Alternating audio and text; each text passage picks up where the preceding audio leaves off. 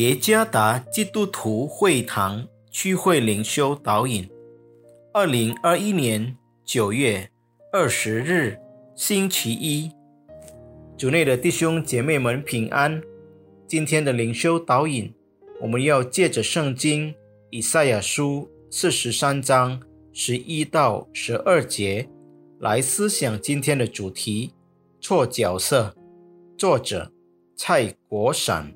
传道，以赛亚书四十三章十一到十二节：唯有我是耶和华，除我以外没有救主。我曾指示，我曾拯救，我曾说明，并且在你们中间没有别神。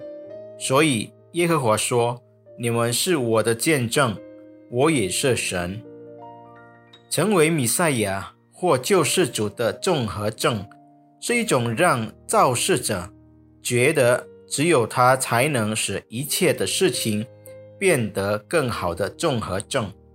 这种综合症的特点是对别人的弱点非常感兴趣，觉得能够改变别人，觉得必须找到所有的解决方案，觉得成功。是必须透过过度的牺牲，并觉得自己是唯一的救主。患有这种综合症的人会觉得他自己是救主，并认为他是他周围人生活的结案中心。我们经常认为行善和献给一切最好的一定和上帝心意。这可能会变成一件危险的事情，因为在无意中，那一切的服饰或高尚的行为都会挪移真神的焦点和角色。我们变成了我们在行善的所有服饰中的焦点。也有一些基督徒在行善时，丝毫没有向其他人宣讲基督。并对那样的服饰和善意感到满足，不知不觉让自己成为了别人的救主。在今天的经文中，上帝很清楚地说：“除了他以外，没有救主。”参考十一节，这是上帝所说、所拯救和所宣告的意思是，上帝应该是我们所有的见证。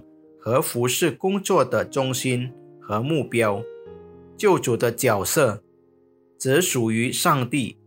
耶稣基督是我们真正的弥赛亚和救主。参考约翰一书四章十四节。实行性上帝神命的基础是扮演我们作为见证上帝工作的角色。无论我们的服饰工作有多么好或厉害。请记住，我们只是见证人，而不是中心。我们必须始终的向其他人传扬，唯一真正的救主是耶稣基督。只有基督是人类的救主，唯一救赎人类的主。他给予人类永生的希望。这个角色永不会改变，或随时被取代的。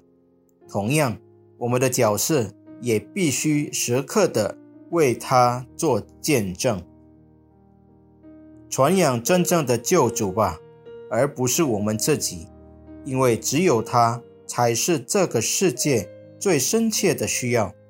愿上帝赐福弟兄姐妹们。